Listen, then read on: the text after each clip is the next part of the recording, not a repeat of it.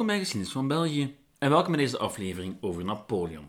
Over de figuur van Napoleon, ja, maar nog veel meer over zijn echte impact op wat nu België is. Wat betekent dat we gaan hebben over allerhande zaken. Over achternamen, verkeer, wetcodes, gelijkheid en of die man Napoleon nu een held of een duivel was. Dat en nog veel meer in deze aflevering van Geschiedenis van België.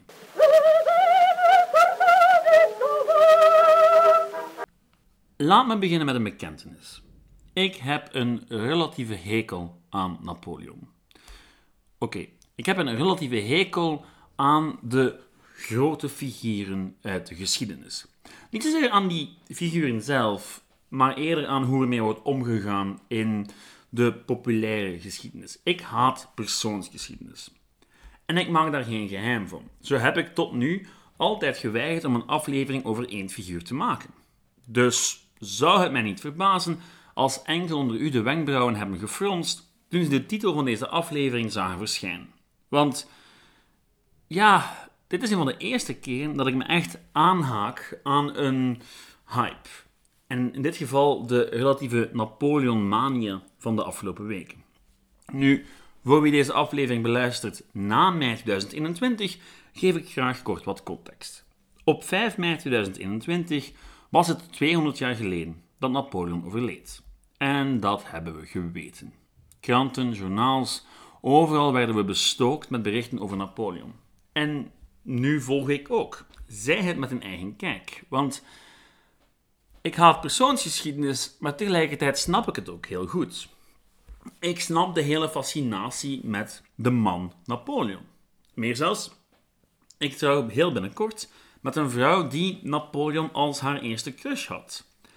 En die nog altijd heel wat uh, blijken van die fandom heeft liggen, hier in de boekenkasten achter mij. Er staat zelfs een miniatuurversie van de grote man op een boekenkast achter mij. Dus ja, dat verhaal van Napoleon is nu helemaal aantrekkelijk en het leest als een trein. Het verhaal van een Corsicaan die door zijn eigen vaardigheden het ver weet te schoppen in het Franse leger en van zijn militair succes en politiek instinct gebruik maakt om de macht te grijpen en Frankrijk voor het eerst sinds lang te stabiliseren. En die natuurlijk vervolgens al zijn verwezenlijking in gevaar brengt door op megalomane wijze half Europa te annexeren. En als u daarbij nog al zijn amoureuze escapades stelt en het heuse aura dat hij rond zichzelf gecreëerd heeft, ja, dan wordt dat inderdaad een boeiende, legendarische figuur. En vooral omdat het beeld dat de meeste van ons van hem hebben meegekregen in de eerste plaats positief was. Of op zijn minst cool. En dat heeft geduurd tot nu. Ongeveer. Er waren altijd wel mensen in de marge die vraagtekens zetten bij die heldenverering. Maar eerlijk gezegd lijkt mij nu voor het eerst het debat echt omgeslagen te zijn. En voor het eerst wordt de positie van Napoleon in de geschiedenisboekjes, ook in de populaire media, in twijfel getrokken. Eindelijk, want ja, je kan een heel genuanceerd gesprek hebben over Napoleon. De lijst van zaken die hij gedaan heeft, die een hedendaags publiek met de wenkbrauwen moeten doen fronsen, is lang. Het, het herinvoeren van slavernij, een wetboek opstellen waarin de vrouw al haar rechten verliest, onnodige oorlogen voeren die alles bij elkaar aan 6 miljoen mensen het leven kosten, enzovoort en zo verder. De lijst is dus lang, maar op die zaken ga ik vandaag niet ingaan. Daar heeft men u al genoeg mee bestookt. Vandaag wil ik heel specifiek kijken naar hoe die figuur van Napoleon het latere België beïnvloed heeft. En hoe je inderdaad moeilijk naast de man kijken kan, maar hoe dat er tegelijkertijd ook voor zorgt dat je de vele boeiende verhalen en ontwikkelingen achter die figuur niet kan zien. Want ja, Napoleon komt niet uit de lucht vallen. Niemand. En zoals altijd is de realiteit van zo'n grote figuur veel ingewikkelder dan enkel zijn biografie. Oké. Dat Napoleon een ingewikkelde figuur is met een zwart randje, dat stoort mij op zich niet. Het verleden is nu eenmaal een ander land. Een ander land met een andere cultuur en andere gebruiken. Dat vandaag de dag Napoleons kolonialisme en zijn wetgeving qua vrouwenrechten meer aandacht krijgt dan ooit tevoren, heeft veel te maken met waar we zelf aanbeland zijn als samenleving. Black Lives Matter en de MeToo-beweging zijn daar allemaal niet vreemd aan. Wat me wel stoort, is dat Napoleon een perfect voorbeeld is van persoonsgeschiedenis. Geschiedenis waarbij men vooral en vaak enkel focust op de grote namen. Zoals Alexander de Grote, Keizer, Karel de Grote, Louis XIV en natuurlijk Napoleon. Alsof alles wat die heerschappen verwezenlijkten enkel en alleen uitgelegd kan worden door hun eigen genie. Alsof het geen uiterst ingewikkelde cocktail was van socioculturele en economische evoluties, individueel talent en een grote dosis toeval. In de academische geschiedschrijving is men ondertussen al lang over de geschiedenis van de grote persoon. In die mate zelfs dat hun belang vaak kapot gerelativeerd wordt. Net omdat historici meer aandacht willen schenken aan die grote onderliggende processen. En alle naamloze figuren die er deel van uitmaakten. Vandaag probeer ik de processen waar Napoleon deel van uitmaakte en die hij ook mee in gang stak, bloot te leggen, zonder daarbij het grotere plaat uit het oog te verliezen. En met die intentieverklaring, beste luisteraar, kan ik deze uit de hand gelopen inleiding eindelijk beëindigen. Ons verhaal begint niet met Napoleon, maar met de Franse Republiek. Want veel van de zaken die later aan Napoleon werden toegeschreven, werden in werkelijkheid al bekokstoofd door de Franse revolutionairen. Bekokstoofd, maar niet altijd volledig uitgevoerd. Al was die Franse bezetting vanaf 1794 wel al redelijk beslissend voor de toekomst van het latere België. Zo sneuvelde het prinsbisdom Luik eindelijk en werd het samengevoegd met de voormalige Oostenrijkse Nederlanden om samen negen splinternieuwe departementen te vormen.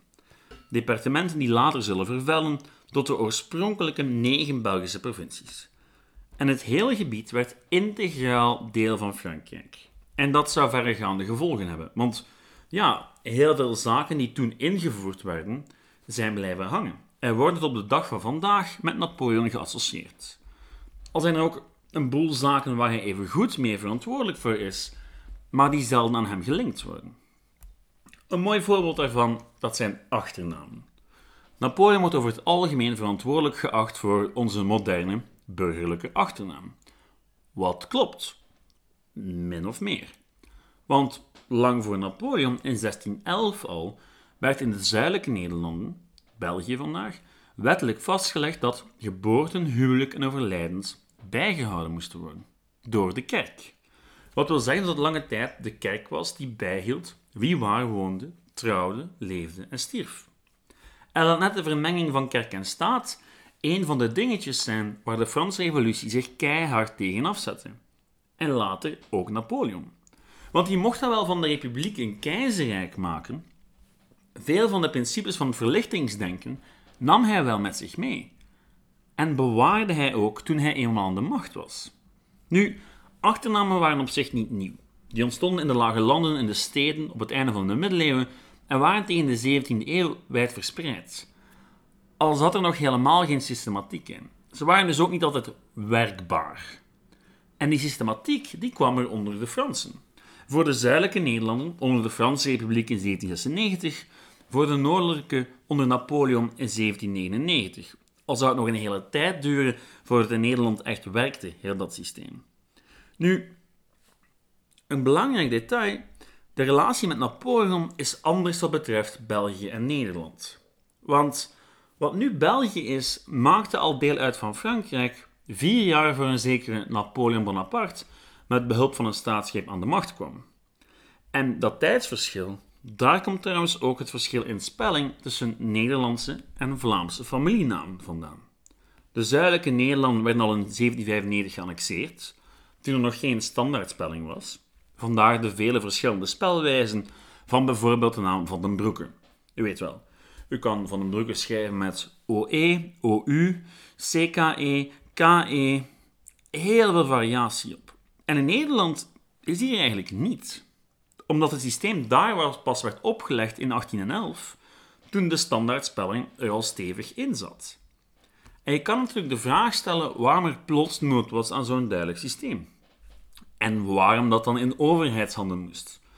Wel, dat antwoord is relatief eenvoudig. Het ging om controle. Het ging erom om controle te hebben over burgers. om burgers te kunnen vervolgen, belastingen te laten betalen, in te lijven voor militaire dienst, enzovoort enzovoort. Allemaal zaken waar Napoleon gretig gebruik van maakte om zijn veroveringen mogelijk te maken. Maar wel zaken die door de Republikeinen bedacht werden. Maar ook zaken die voor een moderne staat zo handig waren dat ze ook na Waterloo gewoon op hun plaats bleven. Overal waar ze waren ingevoerd. Het is een beetje de basis van de moderne rechtsstaat. En dat hele wettelijke kantje brengt me al snel tot bij de Code Napoleon. U weet wel, het bewuste wetboek van Napoleon, waar ik in mijn vorige aflevering over vrouwen ook al heel wat over gebabbeld heb.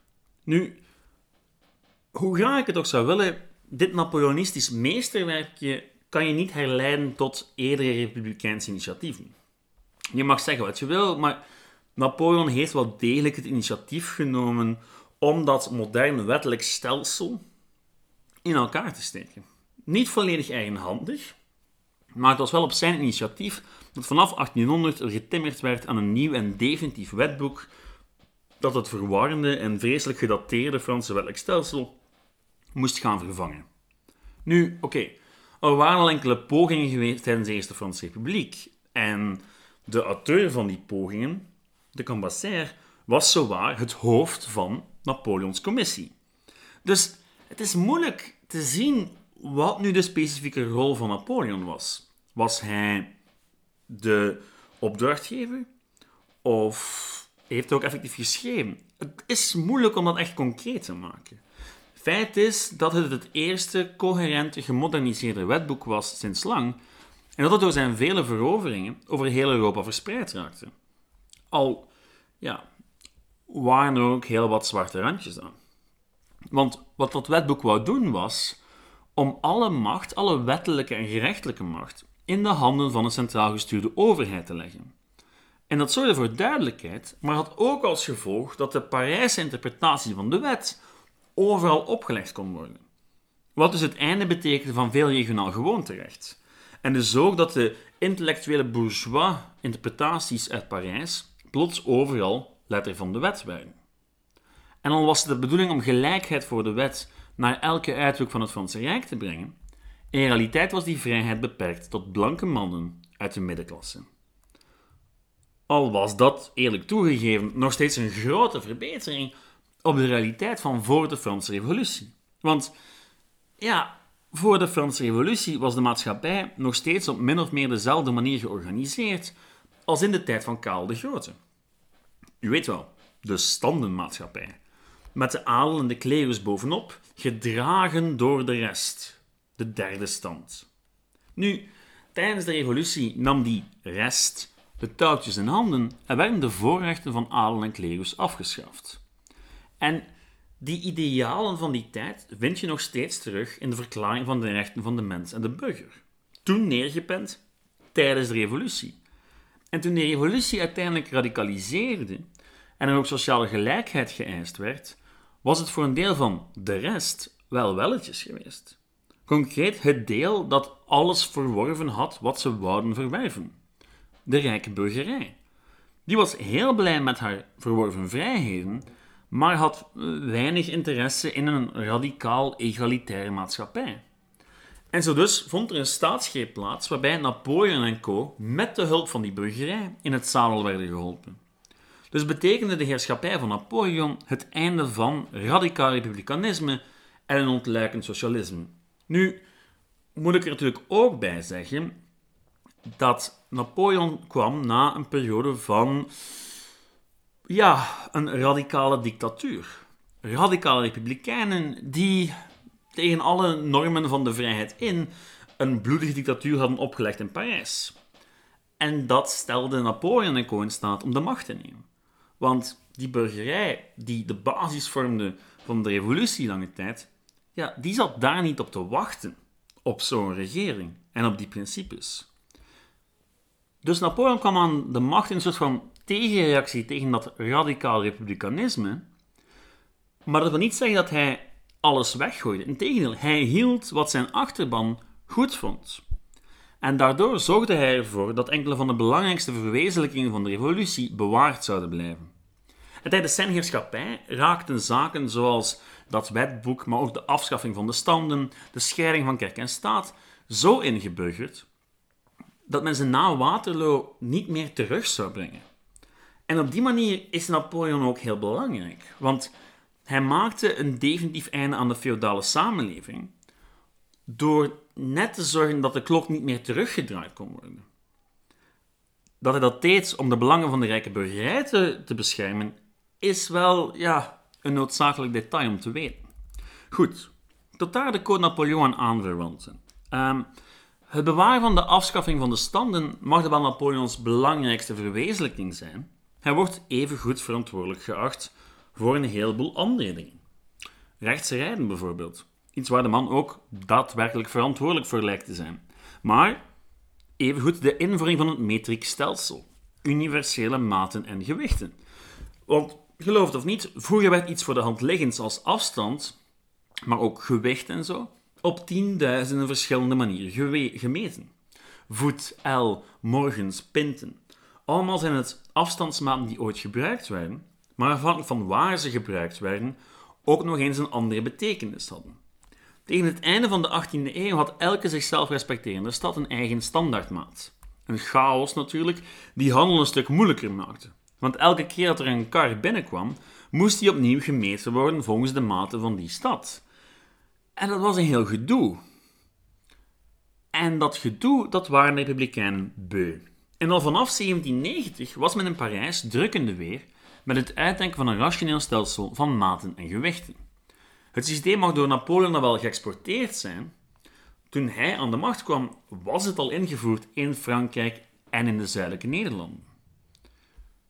Oké. Van alles waar ik het tot nu toe over heb gehad, hebt u waarschijnlijk al gehoord. Nu wil ik het nog eventjes hebben over zaken die onder Napoleons regime gebeurden en belangrijk zijn voor het hedendaagse België. Want het was vanaf 1799 dat de zuidelijke Nederlanden zich op economisch vlak echt zouden gaan ontwikkelen. En dat heeft heel veel te maken met Napoleon. Want na de opstand, ik bedoel daarmee de opstand in de 16e eeuw, was het wat stil geworden. De zuidelijke Nederlanden, die zo lang zo welvarend waren geweest, hadden door de oorlog, maar ook door alle sancties die daarna volgden, het economisch heel moeilijk gekregen. En in 1799 maakten de zuidelijke Nederlanden plots deel uit van een veel grotere, eengemaakte markt met één munt. Niet Europa, maar Frankrijk. En onder de Republiek was Frankrijk één grote open markt geworden een van de grootste en meest open markten van heel Europa. En daarbovenop kwam de continue oorlog met Engeland, die ervoor zorgde dat de producten die in Londen, Manchester en Liverpool werden geproduceerd, niet tot in pakweg Parijs en Lyon geraakten. Waardoor er dus een grote nood was aan industriële productie. En dat was exact waar men in Wallonië mee aan de slag ging op dat moment. Het is dan ook geen toeval dat de grote industrie in Luik en de rest van Wallonië net op dat moment het licht zag. Hetzelfde geldt voor Gent, dat zich vanaf dan heruitvond als textielstad. Gent kreeg ook de volle steun van Napoleon. En Antwerpen, by the way, ook even goed. De positie van Antwerpen als wereldhaven begon opnieuw onder Napoleon. Want het Franse bestuur ondersteunde ook al die ontwikkelingen. Want een sterke eigen industrie was immers niet onbelangrijk als men niet kon rekenen op die Britse import. En daarbovenop kwam natuurlijk dat de haven van Antwerpen ook op militair vlak wel van pas kon komen in de strijd met de Britten. Nu, dit is allemaal wel redelijk logisch en van de kant van Napoleon en de Franse regering ook wel redelijk expres, maar dat Franse bestuur had ook nog een ander, niet onbelangrijk gevolg voor de rest van de Belgische geschiedenis. Een gevolg dat de Fransen toen niet hadden kunnen inschatten. Want voor hen was die annexatie van de zuidelijke Nederland bij Frankrijk een vast gegeven. Het zou gebeuren, het zou zo blijven. En eerlijk gezegd, waren er niet een paar dingen misgegaan, dan was dat ook zo gebleven. Het ligt enkel aan een paar kleine dingen dat België toen niet bij Frankrijk gebleven is. Nu, als je dat wil, kan je met de nodige verbeelding Napoleon de schuld geven voor alle communautaire problemen die België ooit heeft meegemaakt. Want het was onder Napoleon dat Vlaanderen en Brussel begonnen te verfransen. Het Nederlands werd, nu, dit gebeurde al tijdens de Republiek, maar toch, het Nederlands werd afgeschaft als bestuurstaal in Vlaanderen en Brussel en in Wallonië verloor het Waals elke maatschappelijke relevantie. De zuidelijke Nederlanden waren Frans, dus was Frans ook de taal van de staat. Dus moest Frans ook de taal van de burgercultuur worden.